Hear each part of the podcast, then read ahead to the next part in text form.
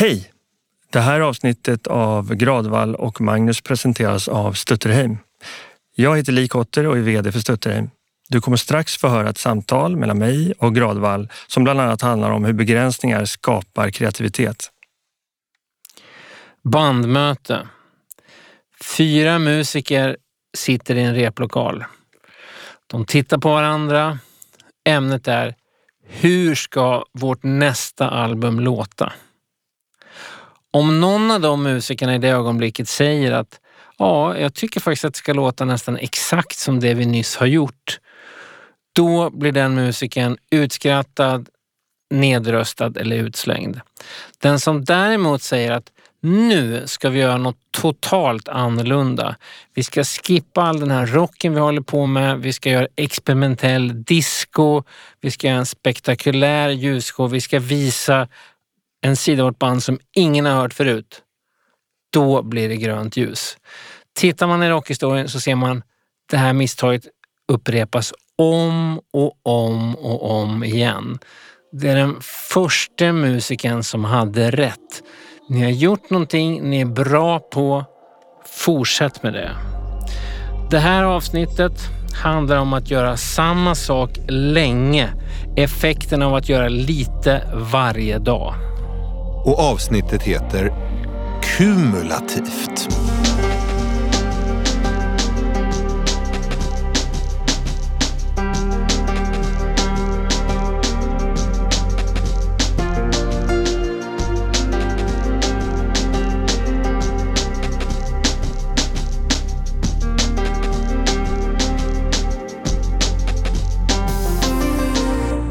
Man, någon, lär ha sagt, ibland tillskrivs det såklart Albert Einstein, att kumulativ ränta är världens åttonde underverk. Och eftersom det här med ränta på ränta-effekter inte var så stort när Einstein var aktiv och han dessutom inte var finansspekulerande ekonom så är det sannolikt inte han som sa det.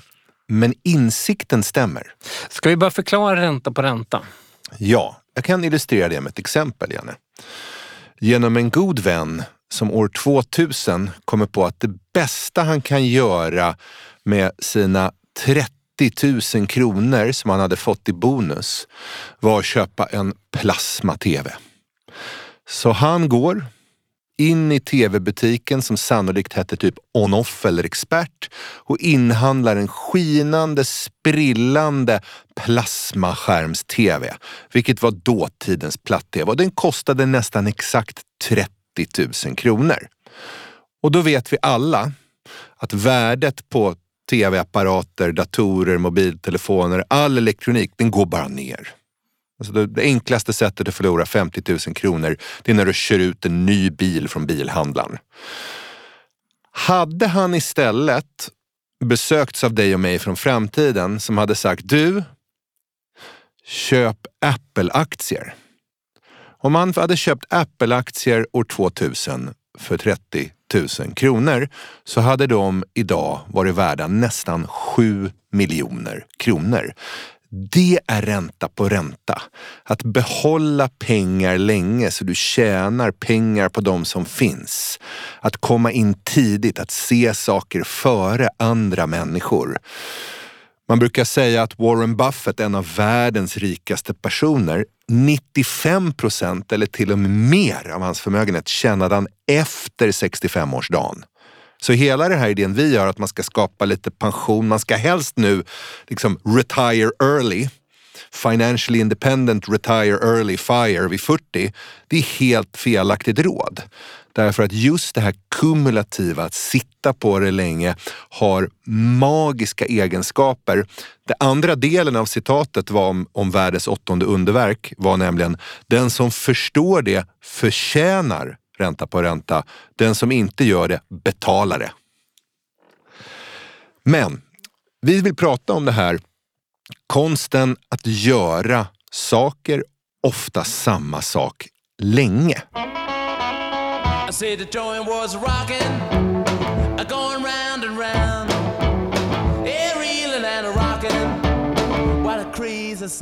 Vi kan ta som ett exempel, Janne, det här med att skriva bok. Precis. Det, det hör man ju hela tiden att folk säger att jag ska skriva en bok. Och det är ju så här, okej, okay, det kan man kanske göra, men man hör inte så sällan folk säga att jag ska operera en hälsena eller att jag ska utveckla ett nytt värmesystem så att säga. Att man underskattar vad det faktiskt innebär att lära sig någonting. Om man inte har skrivit eller läst noga varje dag under lång tid så är det sannolikt en väldigt lång uppförsbacke att lyckas med det här. Så nästan alla som lyckas med saker har ju hållit på med det väldigt länge. Så enkelt är det ofta. Och lärt sig någonting i grunden, lärt sig hantverket och blir hela varje dag lite, lite bättre på det man gör. Och just en bok som handlar om att skriva en lång sammanhängande text blir som bäst när man har lagt lite tid varje dag väldigt länge för att skriva några sidor oavsett hur bra eller oftast dåliga de blir. Och det är ju sällan den första boken som blir mästerverket utan blir kanske en sjätte eller en tolfte eller efter den sextionde refuseringen. Men människor som har närt en fantasi om att deras inre fantasi och plottidé kommer leda självklart både till Pulitzer, Nobelpris, bästsäljare och miljoninkomster kommer ju ha ett mycket mera konceptuellt angreppssätt på det här. Exakt det där ser man ju i tv-programmet Husdrömmar. Jag vet inte om du brukar titta på det med Gert Wingård och Ann Lundberg. Varje gång de träffar människor som ska bygga sitt drömhus och säger så att nu ska vi inte jobba med hantverkarna längre, vi har gjort allting själva. Eller framförallt, vi har ritat allting själva. Då kan man se Gert Wingård stå och liksom blinka, man ser vad han tänker bakom ögonen. Och mycket riktigt nästan alltid havererar det. Det de skulle göra på tre månader tar nio månader. För de hade inte tänkt på en massa saker. De hade inte tänkt på dränering och så vidare. Så att om man inte kan hantverket så är det ganska klokt att lära sig det eller ta hjälp av andra som kan hantverket. Det, är egentligen, det blir tydligt när man bygger ett hus men att skriva en bok är också att bygga ett hus. Eller det som alla liksom, peppade entreprenörer tycker är roligast i världen idag. Bygga en bil. Framtidens bil. Den ska vara elektrisk och bra på det allt annat är dåliga på och den ska vara cool och snygg och intressant. Vilket gör att när man sätter sig inuti en Tesla så känns det som, här har det suttit några amerikanska, sannolikt manliga IT-ingenjörer och tänkt, vi ska ha en stor skärm. Men de har inte tänkt så mycket på hur handtagen ska kännas, hur dörren ska låta där den stänger, hur det syntetiska lädret ska sträcka sig över vissa saker. Så det känns som man sitter i en slarvigt byggd, hiskligt dyr plastbil. Till skillnad från några av tyska jättarna som bokstavligt har lagt generationer på att eh, tänka exakt på hur olika material beter sig i kurvor och hur man får in sömmar på dem och laborerat i det lilla. Det här är skillnaden mellan produkttänkande, jag har en idé, jag ska rita mitt eget hus, bygga min egen bil, och process. Lite grann varje dag. Och har en grundläggande kunskap om just bilar, så att säga. Inte en grundläggande kunskap om tech. Utan de, de verkar i en anda av att Mercedes har gjort bilar i hundra år och hela tiden ta med sig det bästa av föregående modell till nästa modell. Det känns som en bil. Eller mitt exempel i början, det här med ett band. Ta uttjatat exempel kanske med Rolling Stones. Nu är alla ense om att det bästa Rolling Stones kan göra är att göra ett album som låter som Rolling Stones, för att de är Rolling Stones. Men mitt under sin karriär så tyckte de att det var ett problem. Vi kan inte göra samma gamla musik en gång till, vi måste göra någonting annat. Och då gjorde flera av sina kanske minst bra album. U2, vårt favoritexempel, hade ju en lång och ganska destruktiv period när de inte ville vara U2.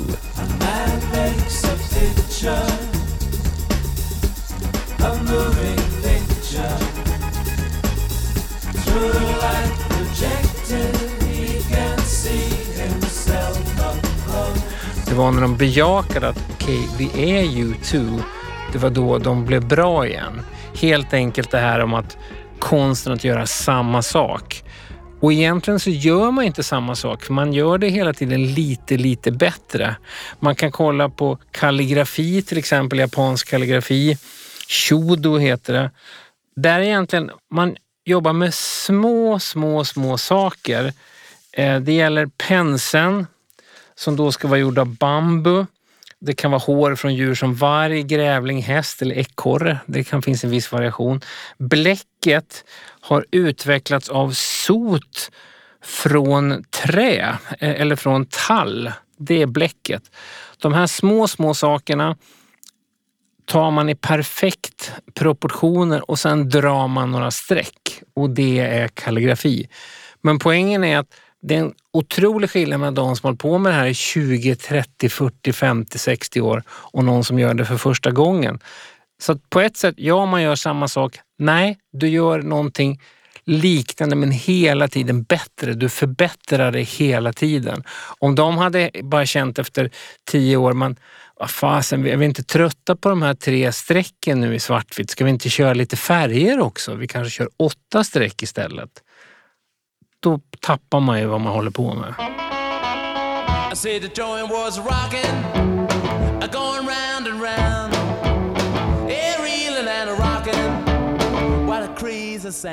Och någon som anammade den uråldriga kalligrafistiska principen var ju popkonstnären Cy Twombly. Som ofta sa att jag målar och skapar utifrån en extatisk impuls, alltså en enkel idén. Man, man kan nästan se det som en, att han målade algoritmiskt. Vi kan ta ett exempel. Han har gjort en serie Bacchustavlor som egentligen bara är väldigt stora. Det är alltså två, tre meter höga och tio meter breda tavlor. Det bara, han, han, han, har typ använt en roller och så gör han bara ovaler runda, precis, och röda.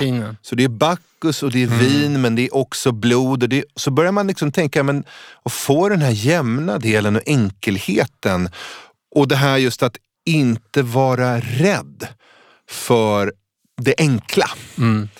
Jag bara tänkte när du, när du målade upp den här Cy Twombly, Larry Gagosian, så heter han, som är alltså konstvärldens största gallerist. Gagosian Gallery finns i New York, men jag tror att de har 12 gallerier över världen nu. Financial Times hade nyligen ett reportage, ett hemma hos-reportage hos honom. Och det var ju väldigt cool att se vad Larry Gagosian har för konst själv då. En jättestor Warhol till exempel förstås, tre Picasso, Gerhard Richter och på omslaget till den här Financial Times-bilagan så sitter han i en röd soffa framför exakt den Cy Hombly som du beskriver nu med de här rollercirklarna. Det här kan man även applicera på företagande och när man tänker på strategi.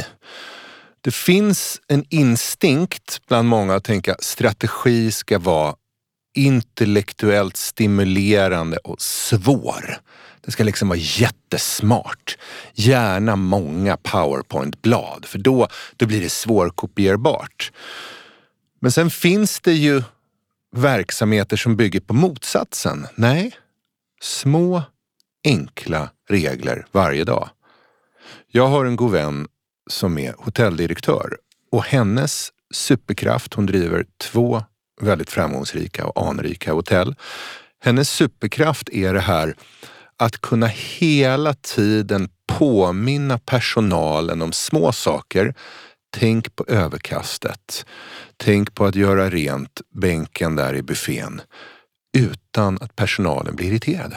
Det är hela driftshemligheten. Det är inte stora powerpoint-presentationer, det är inte svåra ord utan det är att hela tiden jobba i den enkla, lilla, varma påminnelsen. Jag älskar verkligen den sortens omsorg om detaljer. Jag tänkte på den senaste Batman-filmen, ärligt talat den tre timmar långa, ganska tråkiga Batman-filmen. Det som är roligast är ju i vanlig ordning betjänten. Han som hela tiden går och liksom viker lakanen hemma hos Batman, tänker ett steg före. Han är en sorts hotelldirektör åt Batman i den bästa bemärkelsen. Vad Batman än säger så kommer hans då betjänt eller vad man har för titel och, och fixa det. För det är den här omsorgen, den här betjänten är alltid 40 år äldre än Batman oavsett om det är Michael Caine eller vem det nu var i den senaste filmen. Men det, det är verkligen en underskattad typ av person. Den här som bara blir lite, lite bättre på jobbet för varje dag. Och efter att ha gått till det där jobbet i 20, 30, 40 år så gör man ju någonting som, som blir briljant och blir nästan konst. Och där kan man ju tänka i sportens värld. En av de stora tänkarna och sportutvecklarna inom fotboll fotboll var ju Johan Cruyff, holländare som blev känd först som spelare och sen som tränare i Barcelona. Allra först i Ajax och sen Barcelona. Precis. Han sa det att det absolut svåraste i fotboll, det är att spela med enkelhet. Han uppfann ju därigenom en övning som hela världen, från pojk och flicklag i, i små kupper upp till Champions League-mästare kopierat, som är rondo. Det vill säga tre spelare. Han gillade pyramider för han sa om vi spelar i en kvadrat då är det mycket lättare att dribbla bort två spelare och då har du tappat två försvarare. Men om vi spelar liksom diagonalt framåt och sen sätter vi en person i mitten som ska försöka ta bollen. Och så gör vi bara det och så ökar vi takten och ökar snabbheten på passningarna. Det la hela grunden för det som blev en revolution. Först för FC Barcelona och sedermera kopierat av alla, det som har kallats för total eller total football. Pressa alltid. Om du tappar bollen, pressa tillbaka. Jag intervjuade Iggy Pop nyligen. Eh, Eh, han berättade, han är väldigt underskattad som textförfattare faktiskt, för att han är så, han är så mycket. Han har sin bara överkropp, väldigt expressiv på scenen, provocerar publiken. Han börjar med att kasta saker på publiken, sen kastar de saker tillbaka. Så Iggy Pop är ju, han är ju liksom rockmusiken, essensen av rockmusiken. Men mitt i allt det här larmet och kaoset så är han en otroligt bra textförfattare verkligen. Och jag frågar honom om det här Eh, och jag märkte att han blev, han blev glad för att det är ingen som frågar Iggy Pop om han skriver texter. Och han sa att när han började så hade han så otroligt stor respekt för Bob Dylan. Så stor respekt så han märkte att han vill lägga sig så långt ifrån Bob Dylan som möjligt. För Bob Dylan är ett typexempel på då en hyllad textförfattare, väldigt ordrik, associationsrik. Det bara flödar ur honom. Iggy Pop gjorde precis tvärtom. Använd så få ord som möjligt. Det finns en låt med The Studies, hans eh, då första band, genombrottsband, som heter Down on the Street. Texten, första versen är Oh, ah, Down on the street where all the faces shine. That's it. Och han sa att när man har sagt det, låter man den meningen hänga kvar så kommer alla förstå det. För att man ser framför sig en gata, en pulserande gata full av liv, where all the faces shine. Det vill säga alla har någon sorts förväntningar i ögonen. Att det finns någon sorts det här ska bli min bästa fredagkväll eller bästa lördagkväll. Hade han haft en massa ord runt omkring det här hade det inte blivit lika starkt. Utan det är bara den raden. Eller han sa I'm bored, en av hans bästa låtar. Om han ska skriva en låt som handlar om att han är uttråkad så sa Iggy Pop att jag vill inte utsätta lyssnaren för 82 ord innan jag kommer till poängen. Alltså börjar låten med I'm bored. Och andra raden I'm the chairman of the board. I'm bored the chairman of the board. Enkelhet.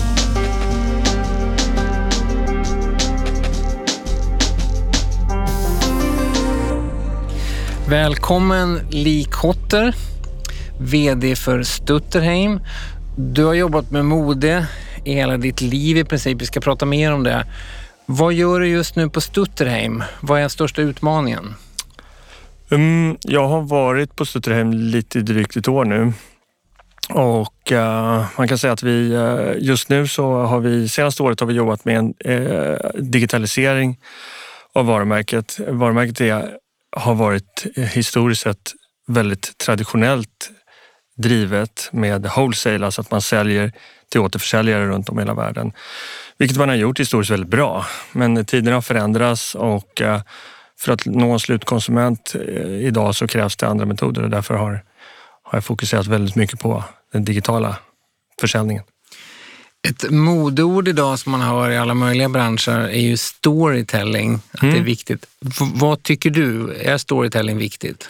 Um, ja, det är det till viss del. Jag tycker annars att produkten ska vara så bra så att den, så att den talar för sig själv. Det finns väldigt mycket BS, om jag får uttrycka mig så, eh, i storytelling. Eh, Bullshit. Ja, precis. Och ehm, jag det klarar inte jag av. Jag tror att konsumenten är för smart för det och vi får liksom inte prata över huvudet på, på människor eh, och förminska dem eller att de inte förstår och sådär.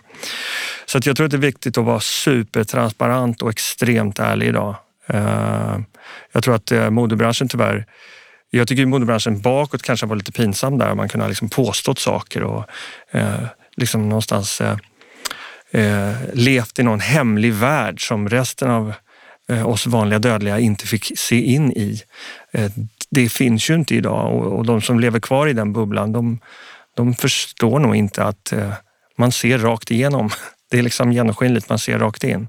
Så att storytelling är viktigt att, så att man berättar om kärnvärden och, och vad vi faktiskt gör. Vad, man, vad kunden investerar i när man köper ett plagg i ett varumärke. För så ser jag det. Man, man, när jag köper ett plagg så investerar jag i någonting jag, jag eh, går med på att köpa in mig i det här företaget, det här varumärket och vad, vad de står för.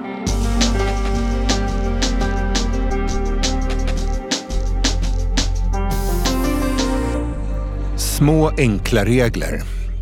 Och där tänker jag på en nyans av kreativitet som vi ofta ger för lite uppmärksamhet kring. För vi är ändå, inklusive du och jag, fast i att det är kanske en gruppaktivitet och solosport, men det bygger på en idé, en tanke, en gestaltning. Men den andra formen kan vi kalla för processkreativitet. Ett väldigt vanligt exempel är ju när McDonalds revolutionerar restauranger.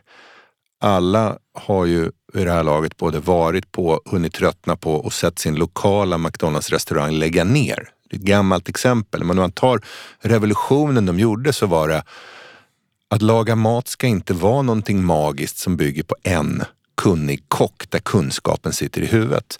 Vi ska bryta ner det här till små beståndsdelar så att vi kan i princip ta vilken människa som helst från gatan och stoppa in de här för att montera ihop hamburgare, pommes frites, läskservering och så vidare. Processkreativitet. Man vill ju att när man går på McDonalds vill man att det ska smaka som McDonalds. Man går inte dit för att man blir överraskad av någon i Ödeshög eller Fort Lauderdale som har gjort sin egen twist på det. Jag tänkte precis nu innan vi klev in i studion så har vi som tradition köpt bowls från ett ställe på Söder som är en god tonfiskbowl. Helt plötsligt så var det någon någon liksom, en frias-version av den här bowlen som inte alls överensstämmer med den som vi hade förväntat oss och kommer aldrig mer gå till det där stället. Men det finns en förklaring och det handlar ju om att det är svårt att göra samma sak länge. Vi blir uttråkade, vi blir frustrerade, vi blir, vi blir rädda, vi blir frustrerade. Jag eh, hade en vän som för tio år sedan, när jag kände mig uttråkad och frustrerad, berättade om förlagsvärlden och författare. Och hur många författare som har känt, jag orkar inte med människorna på mitt förlag en bok till. Jag, jag kräks på dem. De ser inte mig, de förstår inte. Och då måste de byta. Och ibland ger de bara ut en bok på det andra förlaget och sen kan de återgå. Man kunde, skulle kunna prata om många alternativa exempel på det. Eh, otrohet. Om man ska vara gift väldigt länge med samma person så kan många människor berätta om att otroheten och affären turboladdade. Det finns en bok som heter The Examined Life av Steven Gross. en psykoanalytiker. Det här bygger ju på Oscar Wildes citat att eh, the unexamined life is not worth living. Så alltså det granskade livet är det man vill göra, det analyserade. Och då berättar han om en anonymiserad fallstudie om en man som kommer dit och säger jag tänker lämna min hustru för jag har varit otrogen med en man. Och då frågar psykoanalytikern, jaha, kan du berätta lite mer? Och vad, vad är det som händer? Och den här mannen då som är i sena 50-årsåldern har varit gift med samma kvinna och har barn tillsammans i, jag tror det är 30 år. Men nu sena 50-årsåldern så har han varje eftermiddag i flera månaders tid gått till en, en annan man. Och jaha, vad, berätta om den relationen och vad ni gör. Ja, nej, vi, vi ligger bara ofta och skedar. Han håller om mig och klappa mig. Och, och sen så borrar de och frågar mer kring det här och då berättar den här mannen till slut om sin uppväxt. Att han hade alltid en väldigt frånvarande far. En person som inte såg honom, som inte bekräftade honom. Och sen i slutet på kapitlet berättar Steven Gross, psykoanalytikern, att ja, efter några månaders samtal så kom han inte tillbaka helt plötsligt, vilket tydligen är ganska vanligt i terapi. Men 10-20 år senare så läste jag en nekrolog och då hade den här analyspatienten då gått bort. Men då hade han, i den här nekrologen var det frun som skrev och de hade fortsatt att vara gifta och hållit ihop. Återigen, att göra saker länge väcker saker. Det väcker behov, det väcker begär. Det blottar sår. Alltså saker, man har gjort saker länge och det har, det har kanske slitit eller gjort så man måste på något sätt göra en avvikelse i det. Och bara det att han fick den här möjligheten då, den här ventilen, att det verkar inte ens handla om sex knappt, gjorde att det är precis det som gör att han kunde fortsätta med, med sitt andra liv. Sitt gifta familjeliv. Hade han inte gjort det så kanske han inte kunnat göra det andra. Mm. Nej men verkligen. Där kan man ju tänka på så, berömda skapare och musiker som har gjort uppbrott och liksom brutit med allt, tröttnat på sin karriär så att säga. Det finns ju många exempel.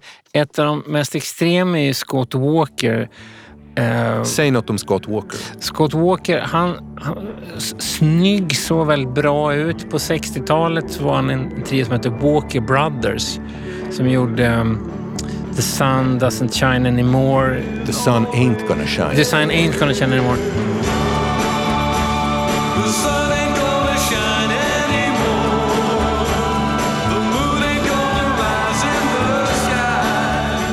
Make it easy on yourself till exempel, sådana dramatiska ballader. Eh, låg etta på topplistor. Sen hade han en period när han gjorde ganska krångliga soloalbum men väldigt inflytelserika som inte sålde så mycket. Som hette Scott 1, 2, 3, 4. När Radiohead spelade in OK Computer till exempel så kom Tom York till studion med Scott 4 i handen och bara sa att det här.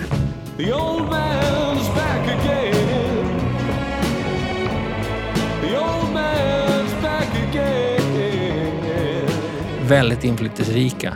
Men Scott Walker gick bara längre och längre och längre i sitt sätt att bara bejaka den här avantgardistiska sidan av sig själv och struntade i att han saboterade sin karriär. En av de mest extrema exemplen är när han gör en låt som handlar om hur Mussolini och hans fru blev hängda eh, av en mobb efter andra världskriget. Så att låten handlar alltså om hur de hänger Mussolini och hans fru.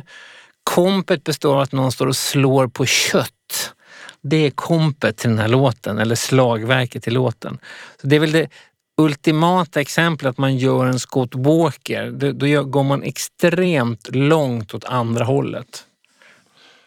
Och sen har vi ju även Justine Frischman. Ja, det, det var så kul när vi pratade om det för att om ni kommer ihåg eh, Elastica, ett av de bästa banden under britpopen.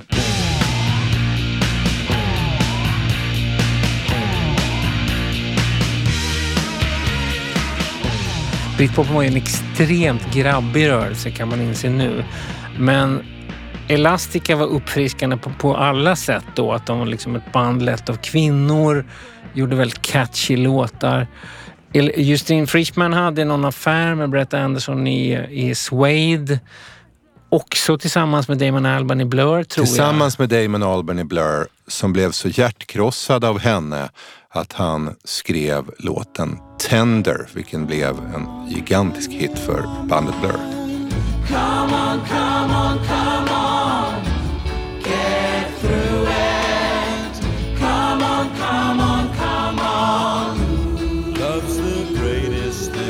Väldigt bra också. Och ganska tung missbrukare så att man, man trodde att hon bara försvann. Sen då, tack vare att du hade hittat det här, så är hon en väldigt framgångsrik konstnär. Att hon bytte helt. Hon tog sin konstnärliga begåvning och är nu en, en väldigt, väldigt bra konstnär. Ja, och vägen dit var när hon kom ur sitt missbruk och började bryta med gamla sällskap. Så sa hon, nej men jag, jag vill bli konstnär men än viktigare att jag vill bli, jag vill bli ingen. I want to become a nobody. Så hon gick med i Naropa University som är ett så här litet buddhistiskt liberal art college i USA. Och det blev början på någonting nytt helt annorlunda. Så ibland så behöver man sticka ut i vildmarken bara för att känna att jag tyckte om civilisationen. Men ibland så ger vildmarken helt nya stigar i livet. Och det är ju så vi pratar om Justine Frischman som många, många andras missbruk, att det finns ju någon slags kumulativt slitage. När man har gjort samma sak länge. Förslitningsskador är ju ganska vanligt, men det finns en, en av de första insikterna som vetenskapen gjorde om motion gjordes i London. För då gjorde man en upptäckt att det var en väldigt stor variation i medellivslängd bland människor som jobbade på bussarna. Chauffören hade så mycket som 10, 15, ibland 20 år kortare liv än konduktören. Och då visar det sig att konduktören gick ju upp och ner för en trappa på en sån här dubbeldäckare flera gånger varje dag medan chauffören satt stilla. Och på 50-talet var det här en revolution. Det var ju bara hundra år tidigare vi hade varit hårt slitande bönder. Nu hade vi blivit bekväma och moderna. Ingen förstod att det fanns ett inbyggt värde. Och på något års sikt skilde sig ingenting. Men över decennierna, man hade ju ett jobb väldigt länge på den tiden, så blev det otroligt stora avvikelser och just den stillasittande busschauffören fick då ett sånt där kumulativt slitage. Det finns en berömd bild också på en pensionerad långtradarchaufför i USA. Och det, ska man likna det med någon form av seriefigur så är det Harvey Two-Face. Ena sidan ser ut som en ja, relativt välbevarad 60-årig gubbe. Vänstra sidan ser helt förvrängt ut. Och då är det för att när man kör på de här öst-västliga interstate i USA, som alla slutar på siffran 0, Interstate 10, 20, 30, 40, då har du alltid inne solen i kupén från samma sida. Så halva ansiktet blir då väldigt belastat av solljus, UV-strålar och, och liksom rynkas sönder mycket snabbare. Kumulativt slitage. När jag hör uttrycket kumulativt slitage så tänker jag på två ord. Magne Furuholmen. Eller egentligen tre ord.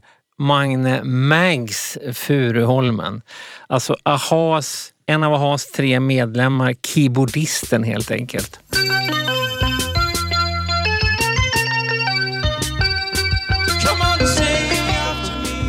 Vi hade en period du och jag vi satt och smsade om den här AHA-dokumentären som kom relativt nyligen.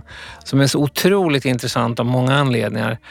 Men, men AHA är ju ett de var ett av liksom de största popbanden i världen. Större än Roxette och Ace of Base skulle jag säga. Absolut inte lika stora som ABBA, men de var på riktigt stora ett tag. Idag då långt senare så gör de som alla andra, att de åker ut på såna här revival-turnéer som man har. Folk att köpa biljetter till det. Men så får fråga folk så här, varför går ni inte in i studion och spelar in någonting nytt? Och det är då klipp mellan de tre medlemmarna. Han Paul Vaktar Savoy som han heter, som, som är, har skrivit många av låtarna. Han säger att det är inga problem, jag har redan låtarna. Liksom. Eh, och Sen förstår man att Mårten Harket är tveksam. Det framgår att han är en så otroligt karismatisk frontfigur men han är ganska krånglig att göra med. Och sen då klipp till Magne Furuholmen. Så säger han så att om vi någon gång går in i studion igen, då kommer jag ha inte finnas mer. Hela det som gör det möjligt att vi kan turnera är att vi aldrig sätter oss i en studio någonsin igen. För att det kumulativt slitage man har upplevt, den här stressen, han verkar ha haft medlarrollen på något sätt i det här bandet också. Den har varit så förödande så att han har ju då hjärtproblem, någon form av hjärtproblem för att han har försökt parera stress så mycket. Alltså inte egentligen aktiv stress utan den här nedbrytande psykiska stressen. Som kanske bara var lite grann och relativt hanterbar, men när det går decennier. Den bara pågår och pågår och pågår. Forskning kring idrottsskador. Går man tillbaka några år, då var tanken om idrottsskador att nej, men de, de ser man. Det är när du råkade trampa snett eller ramla i skidbacken eller vad det nu var. Men där har man ju upptäckt att nej, men det är små saker över tiden. Framför allt i kontaktsporter. En av de mest skrämmande klipp man kan se på Youtube är när linebacken för Pittsburgh Steelers, Ryan Shazier, gör en, vad som ser ut att vara väldigt enkel, lätt tackling. Lätt en sån som du och jag skulle kunna göra. Det är inte särskilt hårt. Det ser inte ut som att han slår sig särskilt hårt. Men han blir totalförlamad sådär. Och då visar det sig att effekten av den här lilla var bara begränsad. Men han hade fått små smällar gång på gång under tacklingar under en 10, 15, 20 år lång karriär på high school, college och nu professionell amerikansk fotboll. Samma sak med hjärnskakningar. Förr trodde man att en stor smäll, och nu visar det sig att nej, men det är när du små smällar över tiden där du får den här degenerativa CTE-sjukdomen. För att den andra smällen är så otroligt mycket mer förödande än den första. För att det finns saker då som ofta inte är läkt i den första hjärnskakningen. Sen får du den andra så blir den otroligt mycket värre och sen kommer den tredje det är ett jätteproblem med amerikansk fotboll. Men jag tänkte, vi pratar ju om två parallella spår här med kumulativt. Det finns kumulativt att du för varje dag blir du lite, lite, lite bättre på det du gör. Och den andra sidan är för varje dag så blir du lite, lite mer sliten och kanske sämre på det du gör. Så, så det är det beryktade tveeggade svärdet. Ojämlikhetsdiskussionen som finns ekonomisk handlar ju om ett kumulativt slitage i ett samhälle. Vi kan ta ett exempel eh, som är ganska vanligt när man pratar om Lilian Bettencourt som är arvinge till L'Oreal och Bill Gates, Microsofts grundare. De här två individerna tjänade alltså lika mycket pengar på 90-talet. Men Bill Gates hade skapat ett företag, jobbade hårt under 90-talet för att bygga upp det och göra det världsledande. Byggde tillsammans med sin exfru en stor global stiftelse för att lösa olika hälsoproblem. Lilian Bettencourt gissar jag utöver lite cocktailpartyn och, och um, filantropiska aktiviteter jobbade i princip inte en enda dag. Och det är det här som sker över tiden också. Man skapar en ojämlikhet för att du börjar inte på noll, du börjar på högre. Det kan du också se i sport. Och vad är skillnaden då i deras förmögenheter? Avsevärd förstås. Ja, nu har det väl, i och med att Lilian Bettencourt gick bort för några år sedan, eh, så är det ju en skillnad och eh, att fortsätta äga saker. Men det jag skulle komma till är skillnaden i sportligor. Vi har både pratat om fotboll idag med Cruyff och Barcelona. Vi har pratat om amerikansk fotboll. Det här är intressant därför att de amerikanska sportligorna i både baseball, basket, hockey och amerikansk fotboll har en idé om att vi hela tiden måste bekämpa de kumulativa nackdelarna. Så det gör att det sämsta laget i varje liga får alltid välja först med nästa års talanger. Och det gör att över några års tid, om du förlorar flera år i rad, då kan du bygga upp ett ganska bra nytt lag. Amerikansk sport är så fantastisk på många sätt för att den är så total kontrast mot det här hyperkapitalistiska, hyperkommersiella. Att de har en sån regel, det är ju liksom en socialistisk regel. Eller det här att det är otänkbart att ha reklam på tröjorna i USA. Mm i, i, i liksom resten av världen så är det hur mycket reklam som helst, men det har man inte. Det är heligt det. Nej, och man brukar ju säga det att USA är ett kapitalistiskt samhälle med socialistiska sporter, medan Europa är ett socialistiskt samhälle med ultrakapitalistiska sporter. För här är det oftast en eller ett par lag i varje fotbollsliga som vinner allt hela tiden. Bayern München, Malmö FF, Manchester City, Liverpool, Real Madrid så att säga, den vinnaren tar mer hela tiden. Så det, ett samhälle gynnas ju av att man försöker bekämpa den principen, kanske åtminstone i sport. En parallell till den här nästan socialistiska inställningen till sport i USA. Jag tänkte just på, på tal om Iggy Pop så intervjuade jag honom i Miami av alla ställen där han bor. Men då pratade vi och andra om det här att det är också sådär superkapitalistiskt förstås, nästan ännu mer så i Florida. Men strandskyddet är heligt. Ingen får bygga på stränderna över hela Florida så att du kan promenera på stranden runt hela Florida. För att det har de sagt, det här rör vi inte. Trots att folk kan betala miljarder för det. Sen har man ju underbart amerikanskt löst i Miami att man bygger konstgjorda öar istället. Där kan du ha strandtomterna. Och då kommer vi, tror jag, till det här avsnittets kompromiss och slutsats. Bowlstället på Söder borde ha haft ett strandskydd och sagt de här delarna rör vi inte. Ungefär som att McDonalds säger vi kan göra en McLax men vi gör utifrån samma ramar. Och bandet i replokalen som du berättade om säger i alla fall Nej, men de här fyra, fem principerna, de rör vi inte. Precis. Band ska också ha ett strandskydd.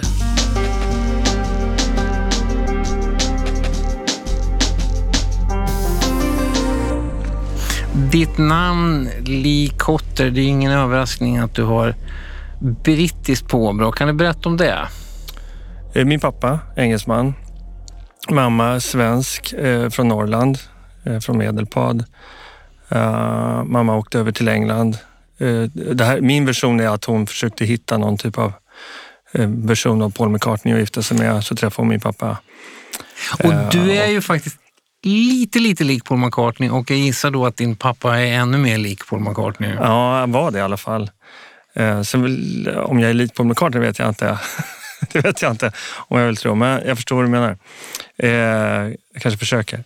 Eh, ja, nej men han, eh, det, det blev fatt, fattas för tycke där så att jag har, har ett eh, uppvuxen i barnåren i, i södra London. Mm. Hur kommer det sig att du blev intresserad av kläder och mode? Um, lång historia. Jag kommer säga att jag var upp, eh, mamma och pappa skildes och vi flyttade till Norrland då. Och uh, där uppe. Så jag tror att eh, jag, jag kommer ihåg att jag lärde mig ordet design, att det fanns någon som designade kläder. Det var långt upp i åldern, jag förstod det ens. Eh, jag var nog 18-19 år liksom innan jag förstod att det fanns formgivning och design. Däremot har jag alltid varit en, en kreativ, tecknande, eh, skrivande människa. Eh, person som, som liten kille också. Och det var dans. Jag var dansare när jag var yngre. Det var så jag hittade ut i världen. Um, dansade latinamerikansk dans och um, hittade ett sätt att konceptualisera paret. Det här dansparet som skulle göra uppträdanden och dansframträdanden. Och då började jag rita våra danskläder. Uh, och jag, jag, tänkte nog inte på att det var design överhuvudtaget utan det skulle ju bli framträdande. Och det skulle vara snyggt och konceptuellt och liksom, jag såg alltid de här bilderna i huvudet. Så det var så det började. För att när man ser skisser, modeskisser, Mm. då kan jag plötsligt, jag har faktiskt aldrig tänkt på den kopplingen, men det blir ju nästan, det kan inte så långt ifrån dans kanske, den här någon form av rörelse och så. Alltså det, det, om, om du tänker dig modevisningar är ju väldigt teatraliska och eh, ska beröra och eh, mode, jag tycker att mode ska försöka förflytta eh, och, och utveckla och driva, driva utveckling ehm, och få oss att och, och inspireras och titta framåt helt enkelt. Sen eh, olika varumärken har ju vad ska jag säga, olika höjd på, på hur eh, expressiva och experimentella man vill vara så att säga. Men eh, det var där jag fick, där, där liksom väcktes min lust för att skapa kläder. För att hur kläder ser ut är ju helt annorlunda på en bild eller framförallt på en galge jämfört med hur det ser ut på en kropp som rör sig. Verkligen. Ehm, och ett, ett plagg blir ju inte tredimensionellt förrän det kommer på en kropp. Ehm, och det är först då det får liv på något sätt. Och jag, jag brukar också alltid tänka att kläder är till för att förlänga bärarens personlighet. Ehm, vi klär oss någonstans för att uttrycka någonting eller känna oss trygga eller, eh, och så vidare. Vad, vad var ditt första jobb i, i modebranschen? Det beror på hur man ser det. Jag började i, i klädbutik när jag var ung som extrajobb. Eh, så det var, det var liksom min eh, ingång i modebranschen. Vilket var för ganska många tror jag. Det var liksom ett enkelt sätt att få känna på kläder och mode och, och testa kläder och så vidare. Ehm, det var, det var mitt det var i Sundsvall då som jag fick ett jobb och jobbade i jeansbutik. Vilket var liksom det coolaste som fanns då på den tiden, att jobba med jeans. Och kanske inte så experimentellt mode i Sundsvall utan det är jeans var det som gällde. Det var det som gällde, verkligen. Och eh, det var också så att i en mindre stad så finns det ju inte jättemånga jobb. Så att eh, när du får ett sånt jobb, eh, då håller du fast vid det. Och det, så har jag alltid sett på jobb. Jag har alltid liksom eh, verkligen, det är superviktigt att, att göra sitt bästa och, och, och jobba hårt och sådär. Um, det har jag nog fått från min mamma tror jag. Om man, om man tittar på ditt CV bakåt, du har jobbat med många intressanta märken och företag. Jag vet inte vilket av dem var det först som du hamnade på? Um, det beror på vad du menar, vad jag startade själv först eller vad jag... Jag menar var du startade. Det absolut, absolut första som är nog väldigt bortglömt, det var när jag träffade min, min eh, eller ja, man ska uttrycka sig, eh, mamma till min son, alltså mitt, mitt ex då, som heter Astrid Olsson. Och när vi träffades så hade hon precis, och nu snackar vi ju 20-årsåldern, då hade hon startat ett varumärke som heter Astrid Stockholm, som egentligen var stickade tröjor. Och eh, då, eh, vi var dansparet ihop, det var så vi träffades också ska jag säga. Då startade vi det här lilla varumärket eh, och försökte blåsa liv i det. Det, det, det vart ingenting av det kan man väl säga, så här, men det var det absolut första försöket. Och sen så ehm, eh, det som vi startade, som jag startade själv sen som är, som är något att, att prata om, höll jag på att säga. Det är väl Fifth Avenue Europe som startades 2005. Och det är ju ett känt märke, verkligen. Ja, varumärket blev mer känt än vad bo- bolaget hann växa, växa i kapp så att säga. Mm. Men eh, ja, det är många, många kommer ihåg det. Ja. Vad var dina erfarenheter från det? Vad var bra och vad var dåligt? Ehm, ja, just nu har jag nog nästan bara bra saker att komma ihåg. Eh, Det var, för det första var det ju det som säga, grundade hela mitt egna formtänk. Vi, när, vi, när vi grundade och startade det så hade vi en filosofi att vi skulle jobba med formgivning och inte med mode. Vi skulle jobb- jobba mer arkitektoniskt och jobba utifrån kanske begränsningar. ehm, Och vad, in- vad innebär det? Jag förstår det abstrakt, men vad innebär det konkret? Eh, till exempel att vi eh, jobbade med form utifrån att vi kunde, till exempel vi hade en kollektion som bara var gjord av trekanter till exempel. Att vi gjorde så att vi gav oss själva begränsningar att varje mönsterdel måste ha tre hörn. Och, sen, och det betyder att vi kan inte riktigt definiera vad slutresultatet blir. Eh, och det kunde skapa fantastiska silhuetter. Ehm, ja. Det, För, för det är rätt, det är ju coolt om man tänker på musiker ofta att många av de bästa verken har ju blivit när de ger sig själva begränsningar. Att Mm. vi ska bara vara de här instrumenten eller den här tiden. Att, Mm. Och det har vi pratat om lite i vår podd, just att begränsningar kan vara kreativitetens moder. Mm. Jag, jag, tror att äm, skapande utan begränsningar blir bara kladd. Det blir ingenting. Det blir oftast massa lösryckta idéer och sen så kastar man dem i soporna för att man har en, en lite, kommer en, en ny idé studsar upp och då håller man på sådär. Eh, jag tror att eh, begränsningar är, är fantastiska. Begränsningar och deadlines ska jag säga. Eh, definierade, några få definierade punkter som man måste hålla sig till och deadlines för då måste kreativiteten jobba. Och så, det, det är så det är för mig i alla fall. Vad händer sen? Vad är nästa steg efter Fifth Avenue? Ehm, det, det, var ju ganska lång tid i mitt liv. Det var ju ett tioårsspann. Efter det så i samband med Fifth Avenue Shuruper så hade vi ju, vi delade upp det i två delar redan från början. En del som var liksom en kommersiell del som vi faktiskt skulle sälja worldwide och som gjorde också eh, i världens alla hörn och klädde alla kändisar i alla världens hörn. Och, um, sen hade vi en del som hette By the Number som hette då Fifth Avenue Sure By the Number som var en ren couture-del som vi skapade i vår ateljé på Södermalm. Eller ganska nära här faktiskt, där vi sitter nu.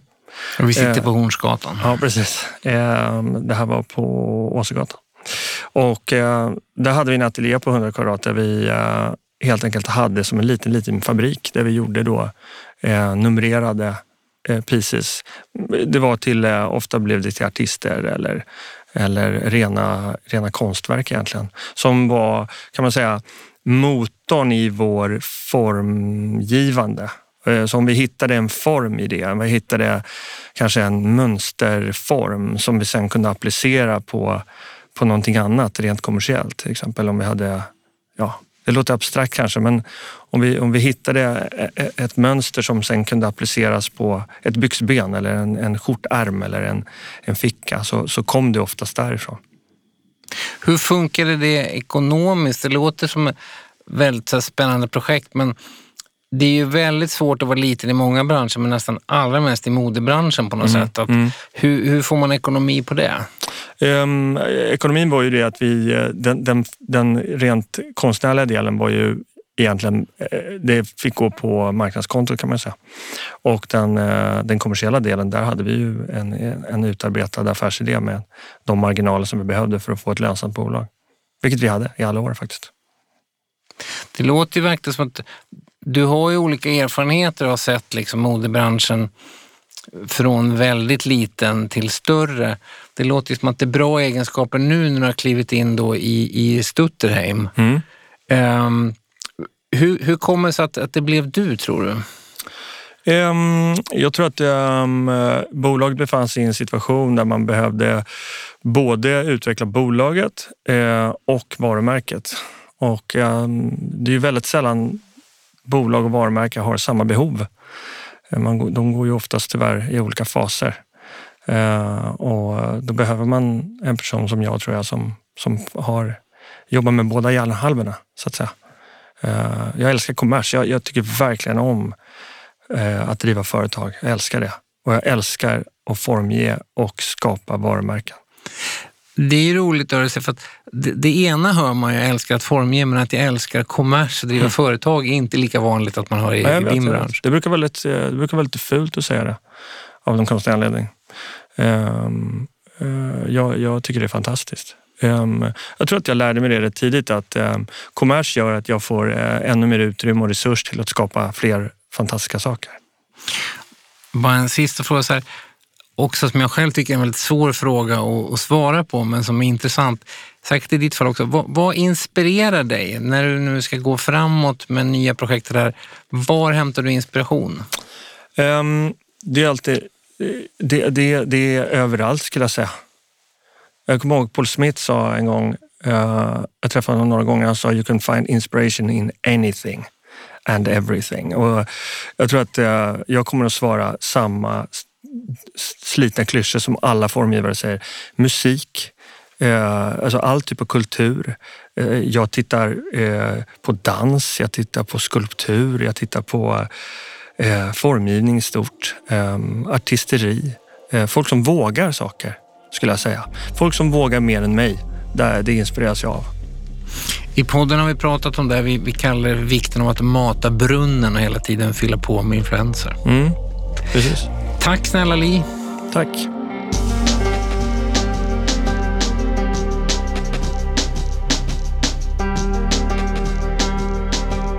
Du har lyssnat på Gradvall och Magnus Inspelningsstudio A1.